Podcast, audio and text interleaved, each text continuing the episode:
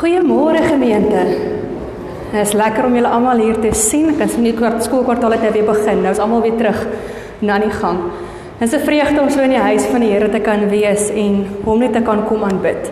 So my gebed is dat elkeen van julle waarlik vandag die Here sal beleef, sy teenwoordigheid sal beleef en ook sal beleef hoe hy julle lewens aanraak. As ons kyk na die afkondigings vir vandag, julle het dit gekry op WhatsApp, het die afkondigings reeds uitgegaan. Ek lig net 'n paar goed uit. Baie geluk aan almal wat verjaar vandag, tannie Minnie van Heerden, Maritza Jordaan en Anet Olivier. So mag dit vir julle 'n uh, mooi dag en jaar wees. Dan kategese, ehm um, ek sê net weer keer, die kategese vind op hierdie stadium steeds elektronies plaas as gevolg van ons beperking op getalle. So ons vra net die ouers se samewerking asseblief want die goed wat ons deurstuur, gaan dit met julle kinders deur gesels met hulle. En as julle nie op die groepe is nie, moet julle vir my asseblief 'n boodskap stuur dat ek julle kan bysit. Dan ehm um, vandag stel ons op ons twee kerkraadslede voor, as Hannes en Anton. Hulle is al reeds op die kerkraad. Ons herbevestig hulle. So baie geluk aan julle. En dit is ook vandag biddag vir onderwys. Ek dink is nogal ironies so vir die dag voor die skole nou amptelik begin het biddag vir onderwysers. So kom ons dra ook vandag al die onderwysers en die personeel en die kinders aan die Here op. Daar is ook twee ekstra gebedsversoeke wat ek vra julle moet byhou, bybring en vir die mense persone bid. Jerome ken hulle is 'n seentjie Greg is ook ehm um, daar's probleme met sy ruggraat en hy is siek, so kom ons hou hom in sy gebede en vra die Here om by hom te wees. En dan dink ons ook aan Madeleine Du Plessis wat hierdie week vir 'n operasie gaan. Kom ons hou haar ook in ons gebede.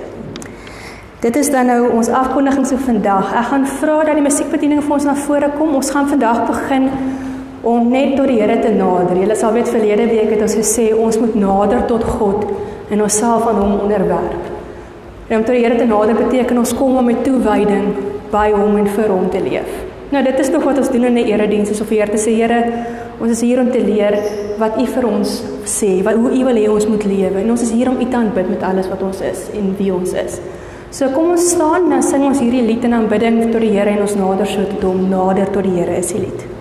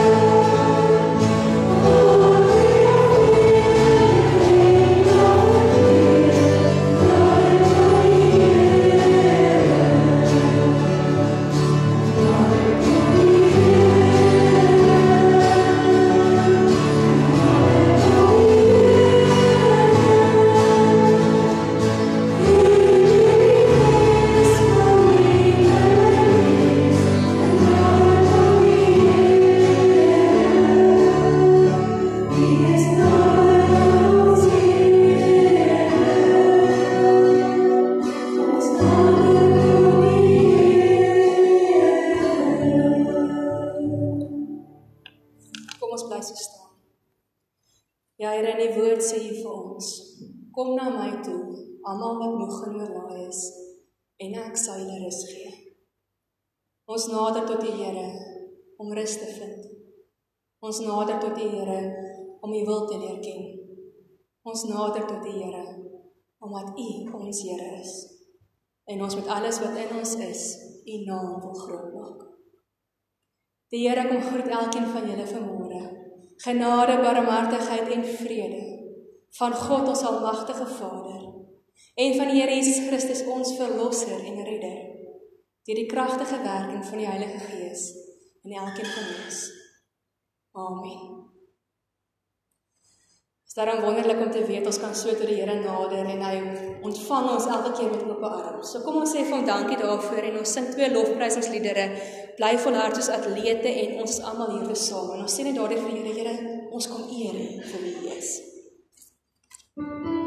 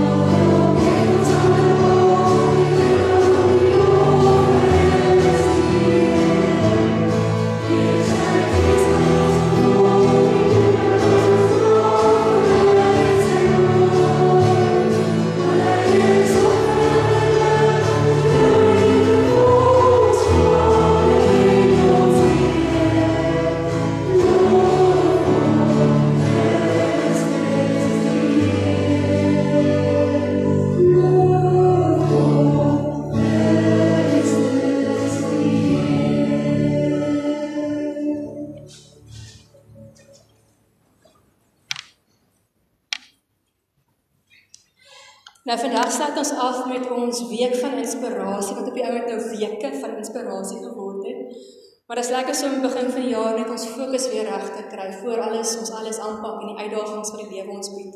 Aanpak het ons nodig om weer op God te fokus. Nou in hierdie laaste paar weke het ons gehoor dat ons God volkome moet vertrou. Dat ons hom geanker moet wees. En dat ons as gelowiges as ons 'n verskil wil maak in hierdie wêreld, dit eintlik glad nie op ons eie kan doen nie. Ons moet probeer, ons moet ons bes te gee, maar ons weet hoe absoluut afhanklik ons van God is. En ons het verlede week gehoor hoe ons tot God moet nader, soos ons nou gesing het, hoe ons onsself moet aflê van ons eie begeertes, ons wil moet afstand doen sodat God ons kan vorm om die kerk te word die gelowiges wat hy wil hê ons moet wees. 'n Deel van hierdie vorming is hoe hy deur gebed met ons praat en in gebed ons verander. En dit is waarmee ons dan nou vandag afsluit om te sê hoe nader ons tot gebed aan die Here en wat gebeur wanneer ons bid en hoe moet ons bid as 'n kerk om verskil te maak in hierdie wêreld. So voordat ons gaan saam lees vandag en verder gaan met die reeks, gaan ons nou 'n aanbiddingslied sing. Ek roem U naam. So ek kom sê Here, ons kom buig net hier voor U. Ons wil gee net ons lewe oor. Ons kom onderwerp onsself aan U sodat U vandag met ons kan werk. So sit so, jy is welkom om net aan die woorde te luister of om saam te sing. Maar kom ons gebruik hierdie lied waarlik as 'n aanbiddingslied om tot die Here te nader. Thank you.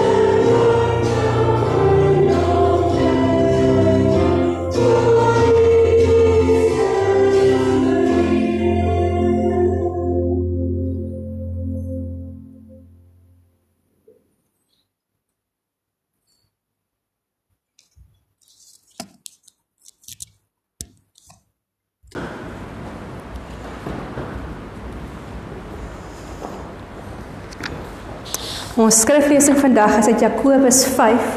Ons gaan lees vanaf vers 7 tot vers 11 en dan weer vanaf vers 13. Voordat ons saam lees, kom ons sluit die oë. Here, ons kom buig nou in aanbidding voor U. U wat die begin en die einde is van ons bestaan.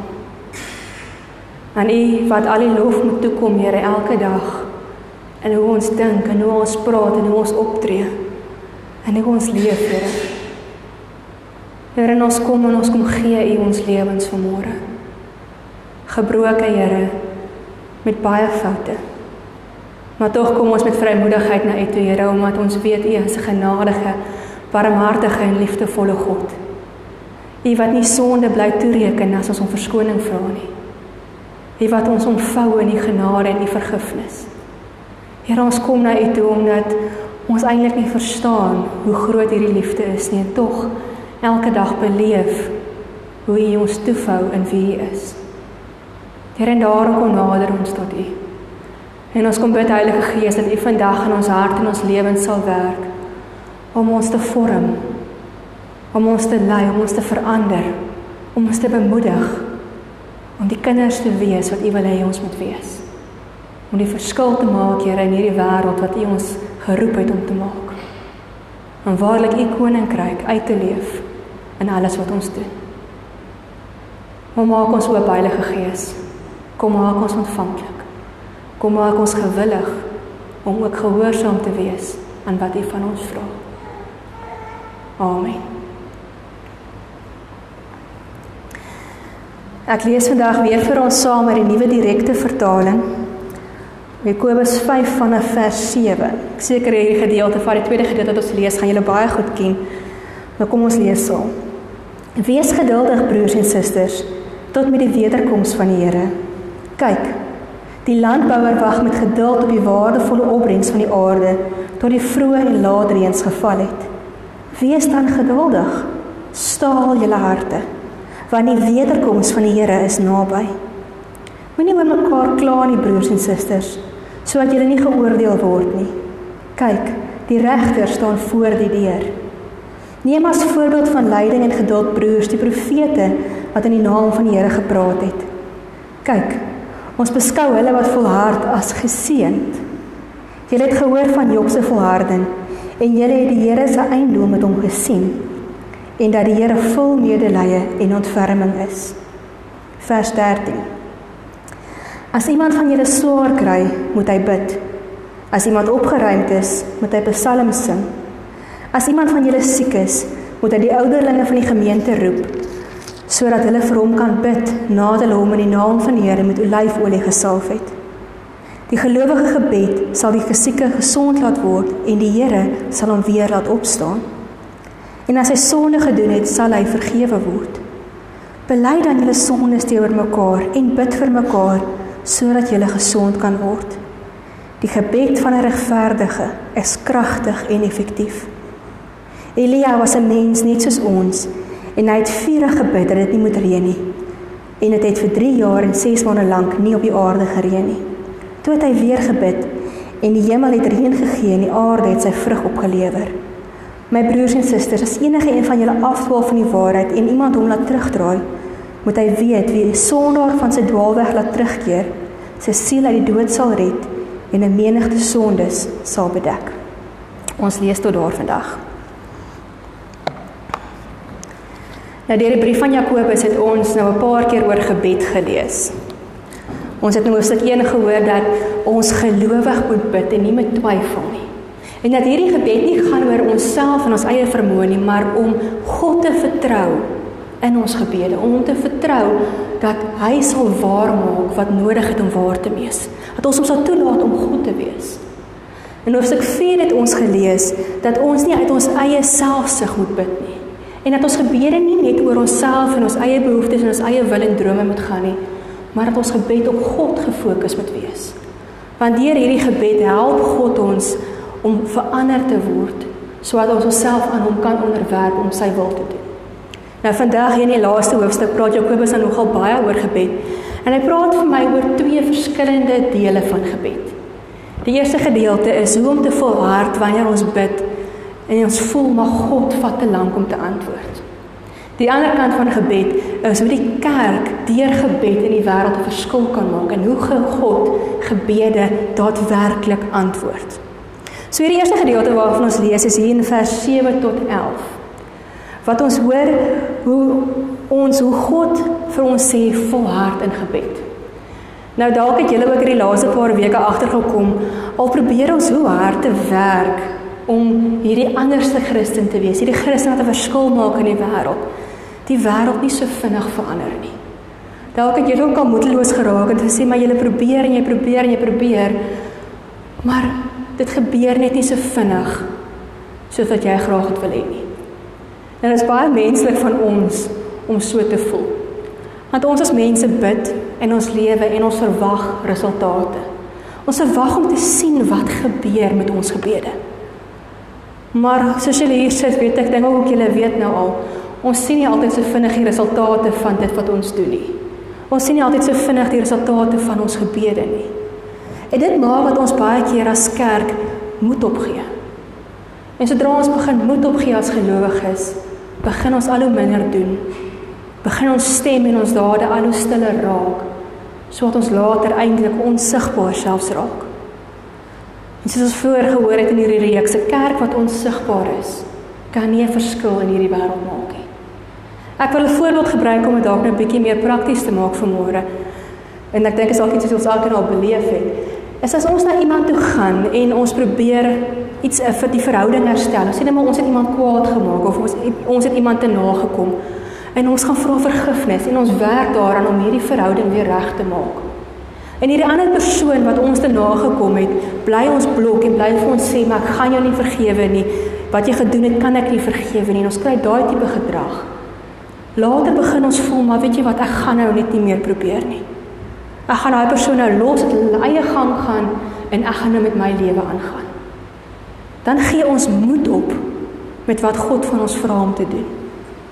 En dan stap ons weg om dalk juist dit te doen wat God wil hê ons moet doen. En daarom sê Jakobus hier, die lewe is nie maklik nie. Ons gaan nie altyd die resultate sien van ons gebede en van ons dade en dit wat God van ons vra om te doen nie. Maar dit beteken nie ons moet ophou nie. Juis wanneer ons nie sien nie, sê Jakobus hier eintlik, moet ons volhard in gebed. Hy gebruik hierdie besonderse voorbeeld van 'n landbouer, 'n boer wat wag op sy oes. Nou as jy 'n bietjie van Israel se landskappe gesien het, ek hierdie week het daar 'n video deur gegaan, rondgegaan wat so gewys het hoe droog dit werklik daar is. Die omgewing waarin Israel gebly het, was werklik 'n droë omgewing. Ek wil dit nou vergelyk met Noord-Kaap waar die reënval bitter skaars is. En daarom lees ons in die Bybel gereeld van hoe die Here vir Israel sê: "Bid vir die reën. Bid vir die vroeë reën, bid vir die laat reëns." Want hulle was absoluut afhanklik van hierdie reën vir oorlewing. Hulle moes gebid het dat die vroeë reën kom sodat hulle kon saai.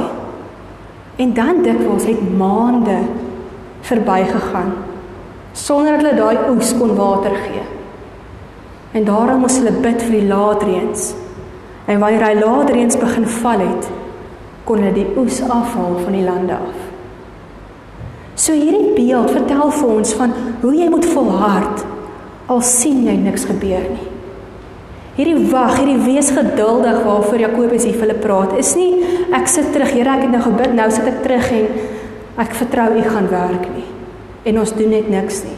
Want is in daai niks doen wat ons moedeloos raak en wat ons moed begin verloor. Hierdie wees geduldig is 'n aktiewe wag waarvan Jakobus praat. Net soos hierdie boere moes gewag het.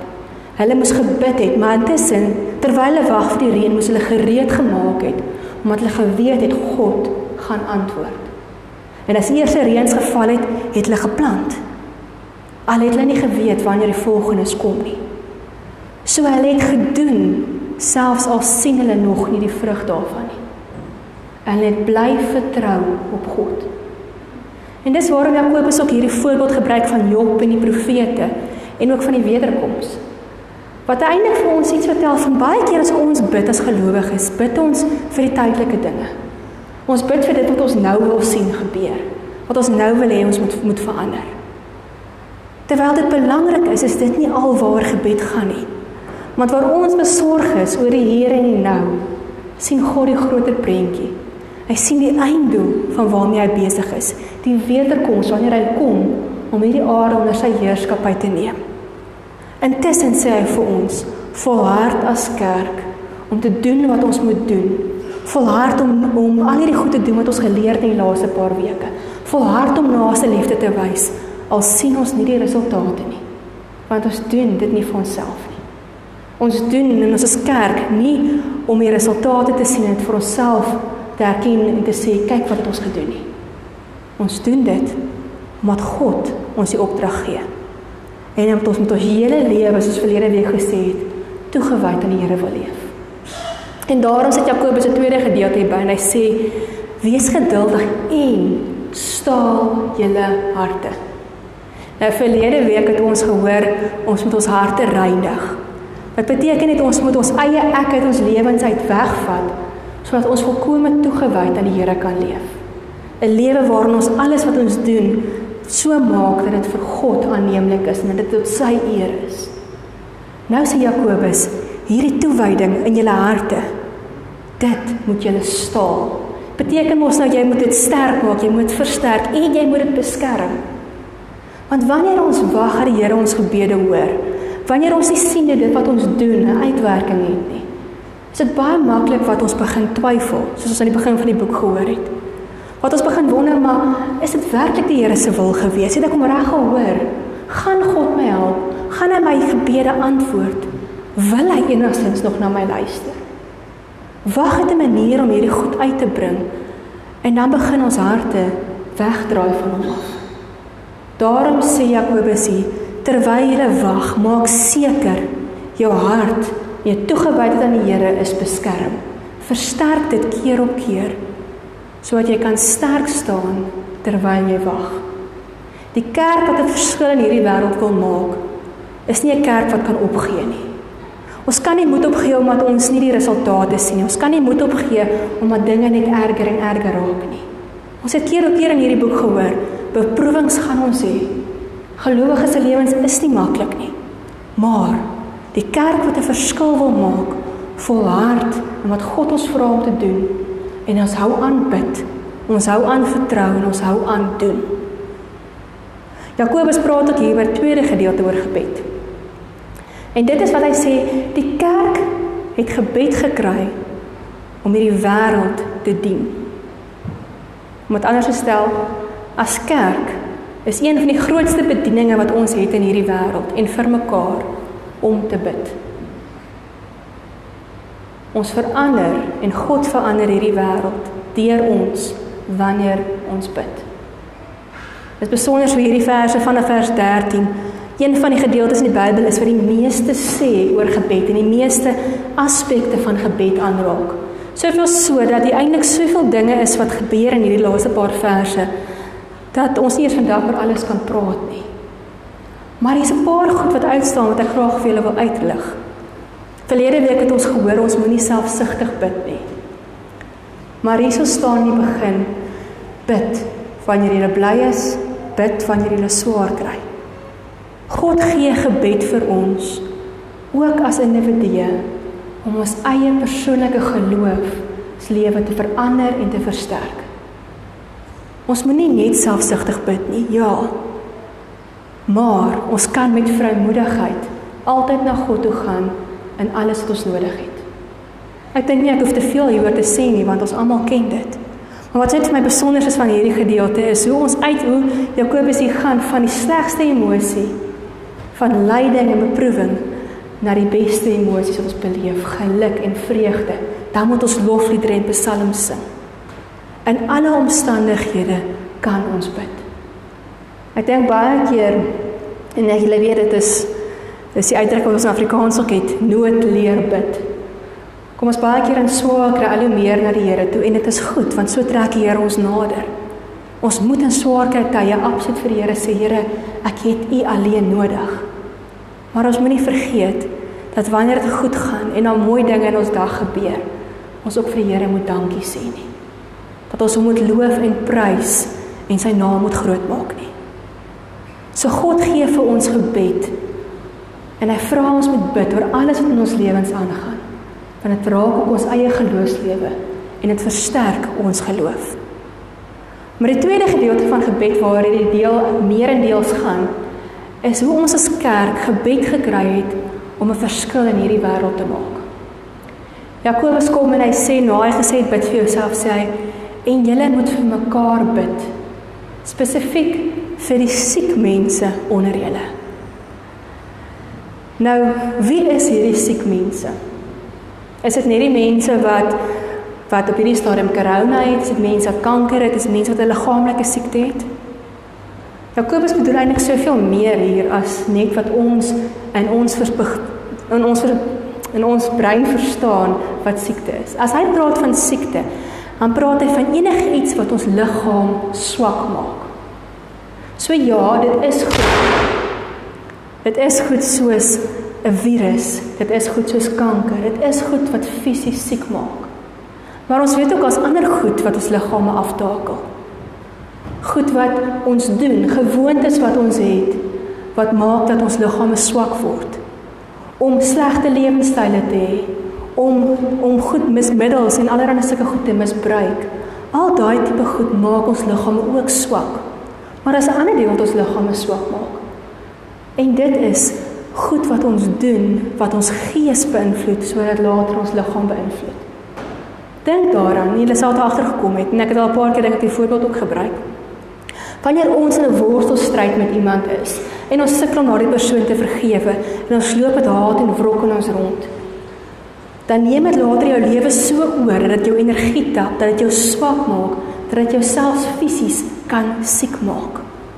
En dis wat Jakobus ook hiervan praat.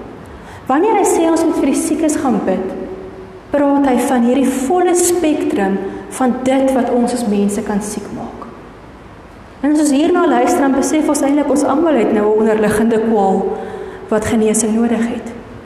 Wat niemand van ons is 100% gesond soos Jakobus hiervan praat nie. En wat sê Jakobus? As ons hoor en ons sien ons beleef iemand is so siek, moet ons dadelik gaan en gaan bid. Jakobus gee nie hierso 'n 'n 'n maklike uitkom kans. Hy sê nie vir ons wanneer jy 'n kans sien en wanneer jy wil en wanneer jy gereed is, gaan bid nie. Hy sê gaan en gaan bid. Eenvoudig. Dis 'n opdrag. Dis 'n dringendheid van die Here en dit sê dit is deel van ons werk op hierdie aarde.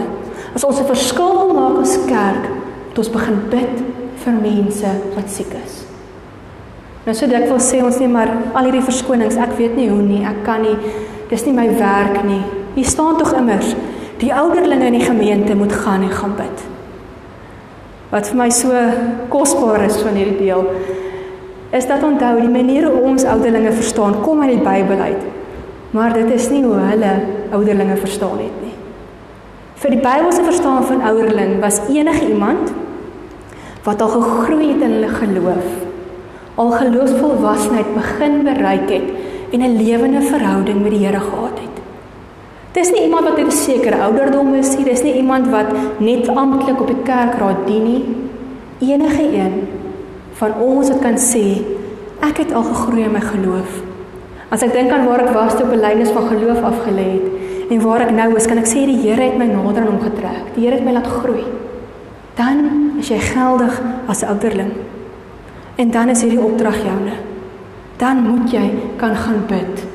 Moet jy vir mense bid, moet jy intree van dis wat God van ons vra. Jakobus gebruik nog al hierdie beeld en hy sê Elia was 'n mens net soos ons. Maar kyk hoe het sy gebed gelyk. Nou Elia, as jy die storie mooi onthou, was 'n mens wat ja deur God geroep was. Maar hy het ook God teengestaan.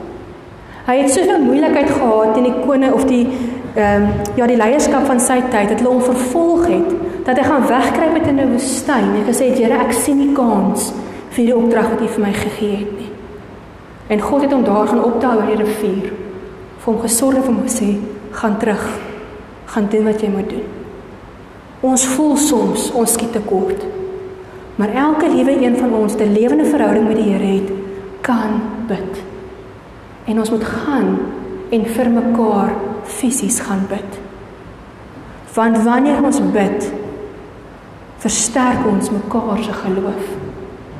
Dis hoekom waarom God ook vir ons gebed gee. Dis een ding of iemand sê, ek hoor van jou siekte en ek bid vir jou. Maar dit is heeltemal anders om 'n telefoon op te tel, iemand te gaan besoek en net vir daai persoon te sê ek kom bid net vir jou. Dit veers baie tyd te vat nie. Jy hoef nie meer ure daar te kuier nie. Maar wanneer jy so bid vir iemand, sal jy beleef wat hier waar is, hoe gebed 'n kragtige uitwerking het. Hoe daai gebedsoomblik, hoe God 'n mens vashou en jou versterk en jou bemoedig sodat jy hierdie beproewing wat die persoon deurgaan, hierdie siekte wat die persoon beleef, kan sien om dit om dit te veg en daarmee aan te gaan. En daarom staan die volgende gedeelte: Die ouderlinge moet met olie gaan om die persoon te salf. Nou ons het al baie gehoor oor olie en ons almal party van ons is 'n bietjie onseker rondom dit. So daarom wil ek vandag die vraag vra: waarom olie? Olie was in die Bybelse tyd een van die min goed wat hulle gehad het om genesing mee te bring. Dink maar vandag nog aromaterapie olie. Ons weet as jy pepermint aansmeer, dan gaan jou lig weer oop. As jy die aansmeer, dan gaan jou spierpynne weg. Daar is genesende kwaliteite in olie. En dis die een rede waarom hulle met met olie moes gaan. Maar hier was spesifiek olyfolie. Want jy sien hierdie gelowiges moes nie dokters gewees het nie. Maar daar was dokters in daardie tyd wat met olie gegaan het om om genesing te bring op so 'n vlak. Genesing in die Bybel, ag olie in die Bybelse tyd was ook 'n simbool van God se nabyheid, van God se aanraking. Dink daaraan. Olie is gebruik om priesters te salf en konings te salf. Soos dink aan die aan die Psalm 23 hoe God sy olie uitgiet oor ons. Dis als simbole om te sê God is by jou teenwoordig. So die kernpunt van waarom ons gelowiges moet gaan bid en olie as simbool saamvat of om hande op te lê, iemand te sê kan ek jou hand vat as ek bid? Kan ek my hand op jou skouer sit? Is vir daardie persoon te sê wanneer ons hier bid, is God hier saam met ons. Deur hierdie gebed raak God ons aan. So 'n gebed gaan nie oor hoe sterk die een is se geloof is wat kom bid nie. Dit gaan nie oor hoe sterk die een se geloof is wat siek is nie. Dit gaan nie oor die mag van die olie nie, want daar's geen bonatuurlike mag in daardie olie nie. Dit gaan bloot dat daardie saamkom, soos ons net nou gesing het ook, waar twee of drie in my naam is, daar is God. Dis wat daar gebeur. Ons moet na mense toe gaan om hulle te bemoedig en vir hulle te besef hulle is nie alleen nie. God is daar. En daarom is die belangrikste van al hierdie dinge wat ons oor gebed hoor, die gedeelte wat sê wanneer jy gaan bid, bid in die naam van die Here. Want dit is nie uit ons eie wat ons gaan bid nie. Dis nie ons eie vermoëns wat maak dat 'n gebed verhoor word nie. Dis nie ons eie geloof nie. Dit het ons al hoeveel keer gehoor deur die loop van hierdie boek.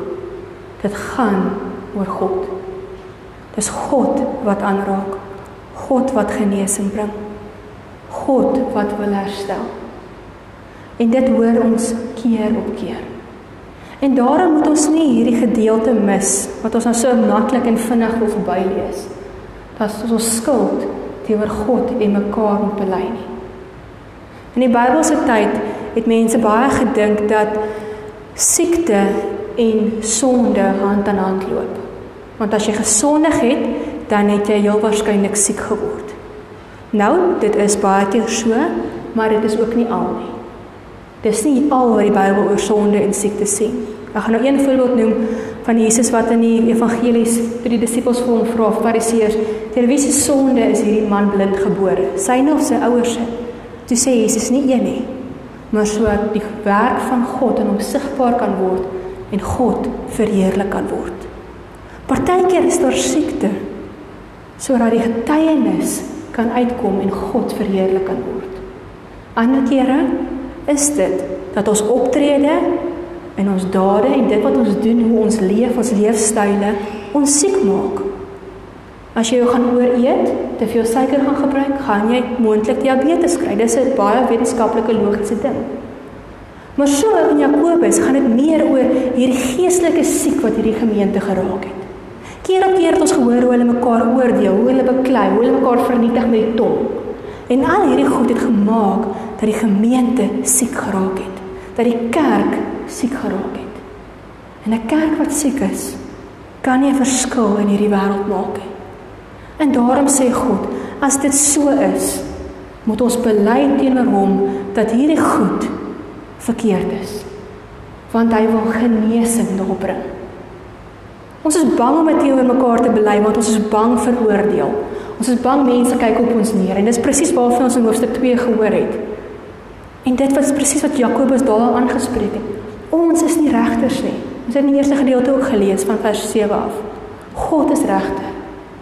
Maar daar is 'n gedeelte wat ons as kerk moet begin ernstig vat en dit is om te gaan en verskoning te vra wanneer ons seermaak. Verskoning te vra en te aanvaar, mense te vergewe. Ons moet hierdie sondes en hierdie siek wat ons aan mekaar doen vir mekaar bely. Nie omdat ons mekaar wil oordeel nie. Nie omdat een swakker is as die ander een nie. Maar omdat ons so wil lewe dat God deur ons kan werk. Kan jy dink wat 'n besonderse en lewende getuienis ons as kerk sal lewe? As jy gaan na iemand toe en jy sê vir daardie persoon, ek is jammer ek het jou seer gemaak. Ek is jammer ek het dit gesê. Vergewe my, ek is opreg jammer. En daardie persoon sê dalk vir jou, weet jy wat? Ek is baie seer gekry. Ek sien nog nie kans nie. Maar ek weet ons moet probeer. En jy gaan daar en dan jy sê kom ons vra die Here om ons te help. En jy bid saam. Want ek kan julle beloof, wanneer mense saam bid, verander God daardie mense. Want dit is God se wil dat genesing kom. Daarom moet ons teenoor mekaar bely. Ons moet erken, maar ons moet ook God vra om daar sy aanraking vir ons te gee dat ons kan gesond word. Kan jy dink hoe gaan hierdie dorp verander? Hoe gaan hierdie werk verander? Hoe gaan ons huwelike verander? Wanneer ons begin om so saam te bid en ons vergifnis gevra het. Kan jy dink watter genesing gaan daar kom in hierdie stikkende wêreld waarin ons leef? Van dit is God se opdrag aan ons. Bid, bedien mekaar van so raak ek julle aan. Tye van siekte en seer is 'n geleentheid vir ons. Hierdie gebrokenheid wat ons om ons beleef is 'n geleentheid om die kerk te word wat God wil hê ons moet word. Dis 'n geleentheid wat ons toets of ons bereid is om van onsself en ons eie wil en ons eie trots af weg te stap en te gaan doen wat God ons vra om te doen. As ons 'n kerk wil wees te verskil maak, moet ons bereid te wees om te doen wat God hier van ons vra. Ons kan nie net bid nie. Want gebed is nie net daardie tyd wat ons stil raak by die Here en hierdie persoonlike goed deel soos wat ons in die begin gehoor het nie. Gebed is wat ons deur Jakobus gehoor het. Gebed is wanneer jy gehoorsaam aan God is en 'n wag voor jou mond sit. Wanneer jy kies om God se wysheid te vat bo aardse wysheid. Gebed is wanneer jy kies om God se hart te hoor bo jou eie wil en jou eie agendas en mense nie te oordeel nie. Om sy hart vir die mense in nood te hoor en iets daaraan te doen, dan is dit gebed. Gebed is wanneer jy sê Here, minder van my en meer van U. Ek stel my hele lewe onder U wil. Dit is gebed. 'n Kerk wat 'n verskil in hierdie wêreld wil maak, moet so leer bid nie net 'n halfuur in die oggend en 'n skietgebedjie voor ons gaan slaap nie. Elke tree, elke optrede, elke woord is gebed tot God. En so is dit met die boer. Al sien ons nie die resultate nie. Al sê iemand vir ons, weet jy wat, ek sien nog nie kans om dit te vergewe nie. Beteken dit nie jy gaan nie bid nie. Beteken dit nie jy gaan nie probeer nie. Jy gaan saai. En aanhou saai en aanhou saai want ons vertrou God selfs al sien ons nie. So kom ons wees so 'n kerk wat nie moed opgee wanneer dit moeilik raak om te doen wat God ons vra nie. Kom ons wees 'n kerk wat sy wil wil doen op hierdie aarde. 'n Kerk wat afhanklik van hom is. Want alles wat ons doen en wie ons is, gaan oor wie God is. En as ons so begin leef en so begin bid met ons hele lewe, dan sal ons sien wat Jakobus hier sê. Gebed van 'n gelowige het 'n kragtige uitwerking. Van God gaan begin werk. Kom ons wees so kerk. Kom ons bid staan. Here, as ons vandag hier staan, kom gee ons alles vir U. Here, ons gebede draai so baie keer oor onsself, ons eie lewens. Here, nou vandag besef ons net dat gebed soveel meer is. Gebed is soos ons inasem en uitasem na Here. Gebed is soos ons kyk na mense wat siek is, mense wat nood het. Gebed is dit wat ons doen, Here, wat reg is in U oë. Here, ons wil 'n gebedslewe lei waar ons waarlik in alles wat ons doen en sê en dink en is, Here, getuig dat ons onderwerp aan U lewe, onderdanig aan U is, Here.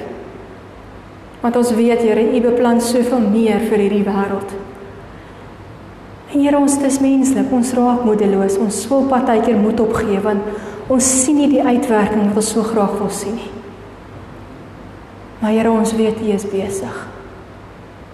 U stel nie die wederkoms uit nie. U is besig om aktief te werk in hierdie wêreld. En gebruik ons, Here. Help ons om nie vas te kyk teen al die moeilikhede en die beproewings en die uitdagings wat ons het om hierdie goed te leef nie.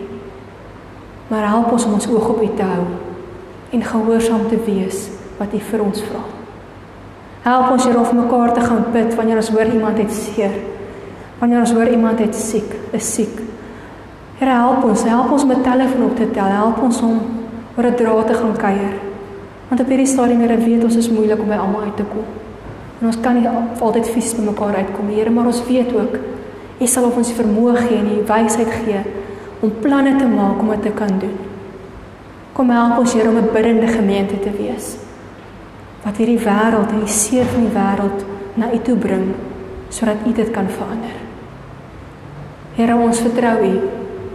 Al sien ons nie nou die uitkoms nie. Vertrou ons U met hierdie jaar. Ons vertrou U te midde van ons sekerheid. Ons vertrou U want U is God. En daarom Here kom dra ons op vandag die onderwys aan U op. Wat verlede jaar ongelooflik uitdagende jaar was vir die kinders, Here, vir die onderwysers, vir die ouers, Here. Kom vra ons dat U waarlik hierdie jaar 'n geseënde jaar sal maak. Dat U ons sal leer wat dit is wat ons moet leer.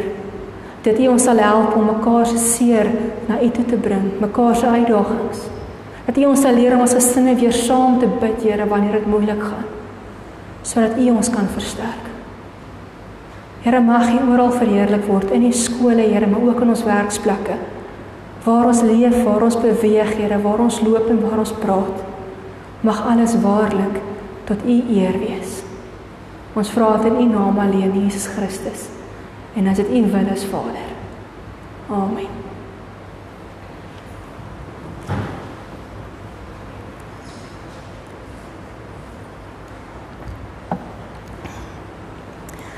Nou ons het vanmôre die voorreg om twee kerklasse soos gesê het weer voor te stel. En nou wil ek vir julle herinner wat ek net nou gesê het. 'n Kerklas dit is eintlik elkeen van ons. Elkeen van ons is 'n dienswerker in God se koninkryk. Ons 'n verhouding met hom het. Ons moet net gewillig wees. So ek gaan vra dat Hannes Olivier en Anton van Deventer asseblief vir my na vore kom.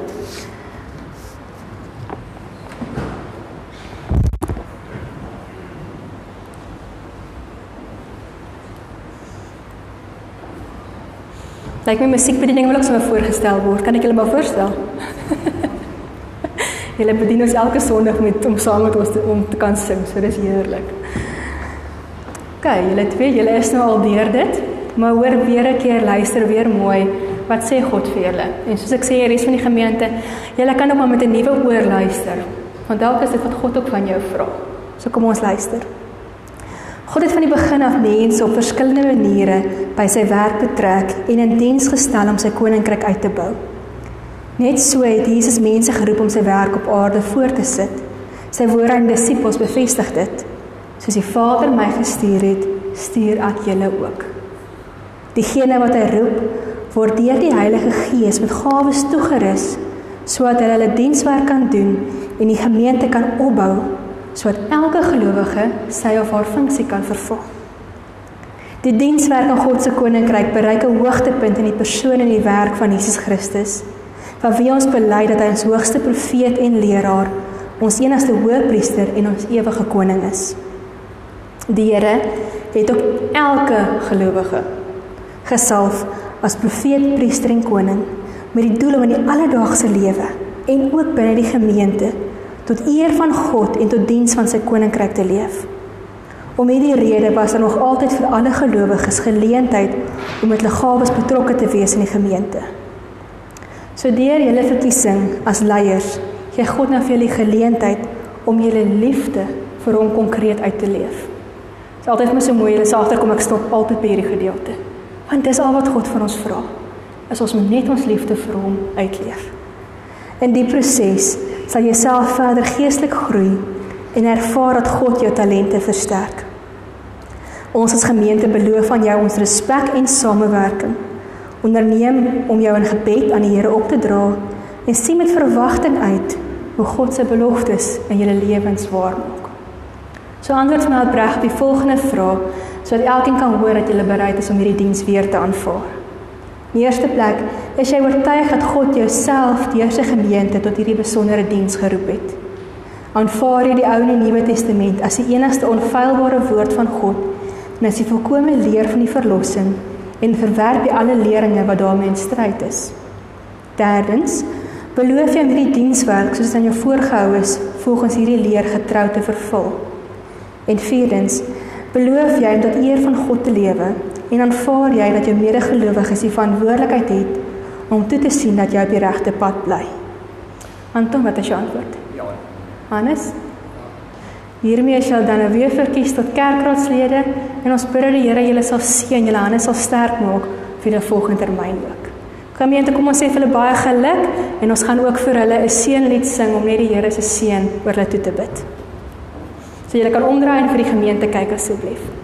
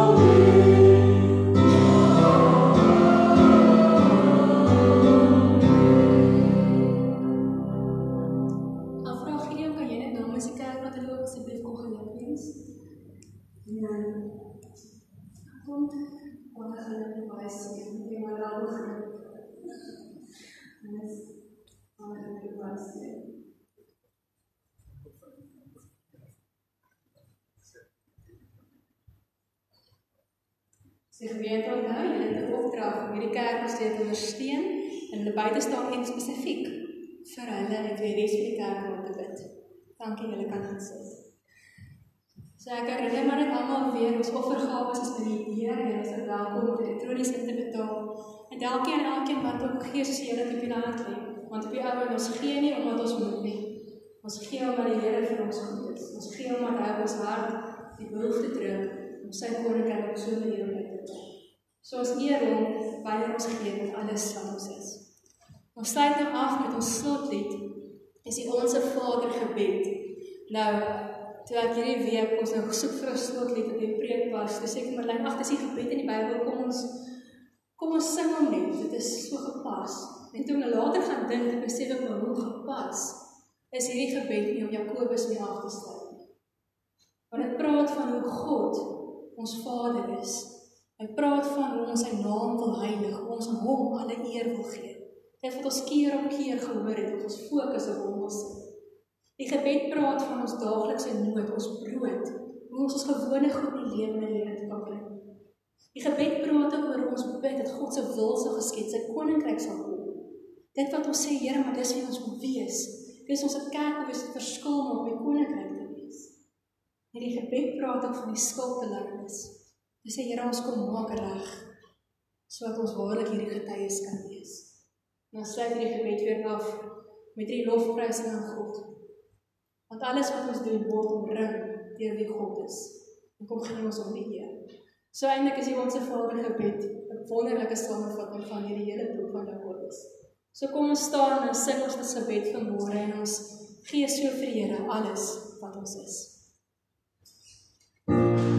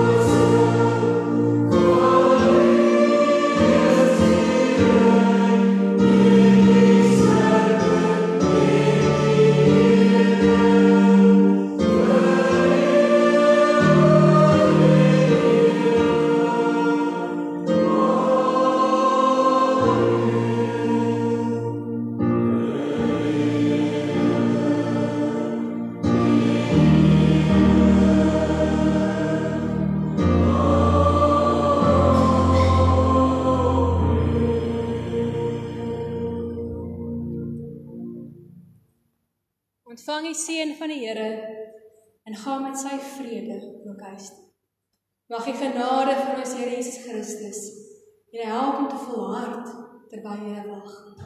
Mag die liefde van God ons Vader julle herinner om te bid vir almal om julle en om hierdie wêreld te bedien met gebed. En mag die teenwoordigheid van die Heilige Gees julle aanspoor om die kerk te wees wat God wil hê ons moet wees.